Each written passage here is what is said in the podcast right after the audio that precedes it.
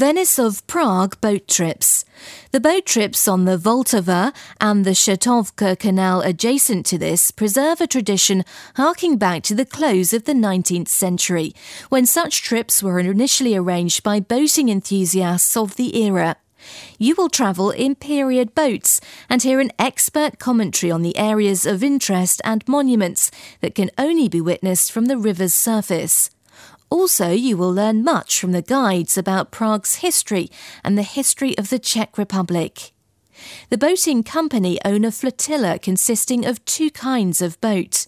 The first kind, known as the Venice of Prague riverboat, is compact, measuring 6 metres long and 2 metres wide, and can carry as many as 11 people.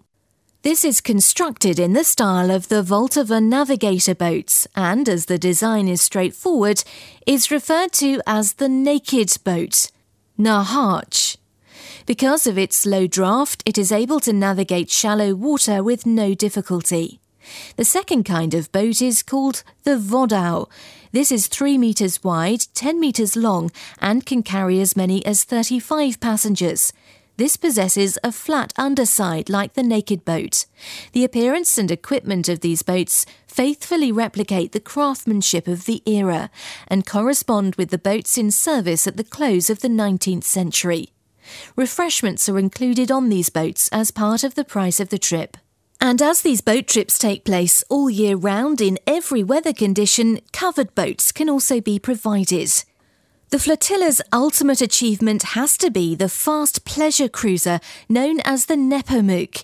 This is undoubtedly a gem amongst boats. It was constructed by the shipbuilding yards in Belgium in 1933 and possesses a rather erratic history. It initially functioned in different areas of Europe as a pleasure cruiser. It was first constructed with a 31.4 metre length, which, over a period of time, expanded to 38.5 metres. The driving mechanism also differed at the beginning.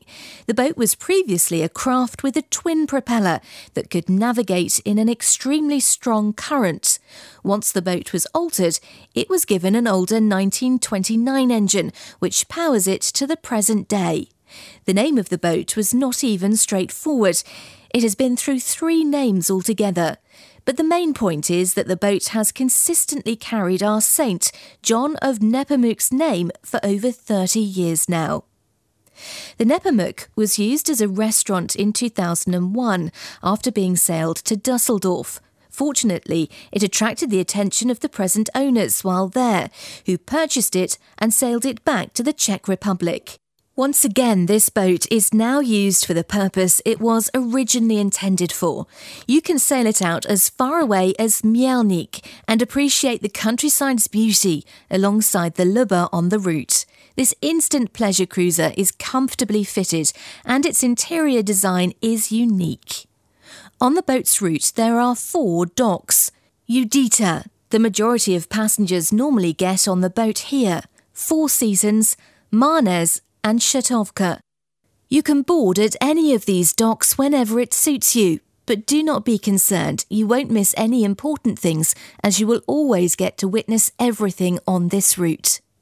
The dock of Judita is the biggest, and it is found next to the last conserved Judith Bridge arch, right beneath Křižovnické Náměstí inside the old town. The Čertovka dock can be found beneath the Charles Bridge Arch inside the Lesser Quarter, where the canal of Čertovka runs into the Vltava. You can watch the Velkopřevorský mill wheel at the Camper Mill while you wait for your boat to arrive.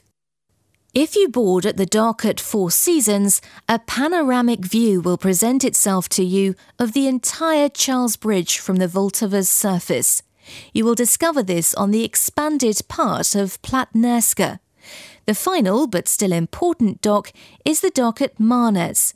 This can be found in Mánes Bridge's lesser quarter side. A sandy beach is next to it, and from here, the Dvořákovo Nábřeží and Rudolfinum are visible.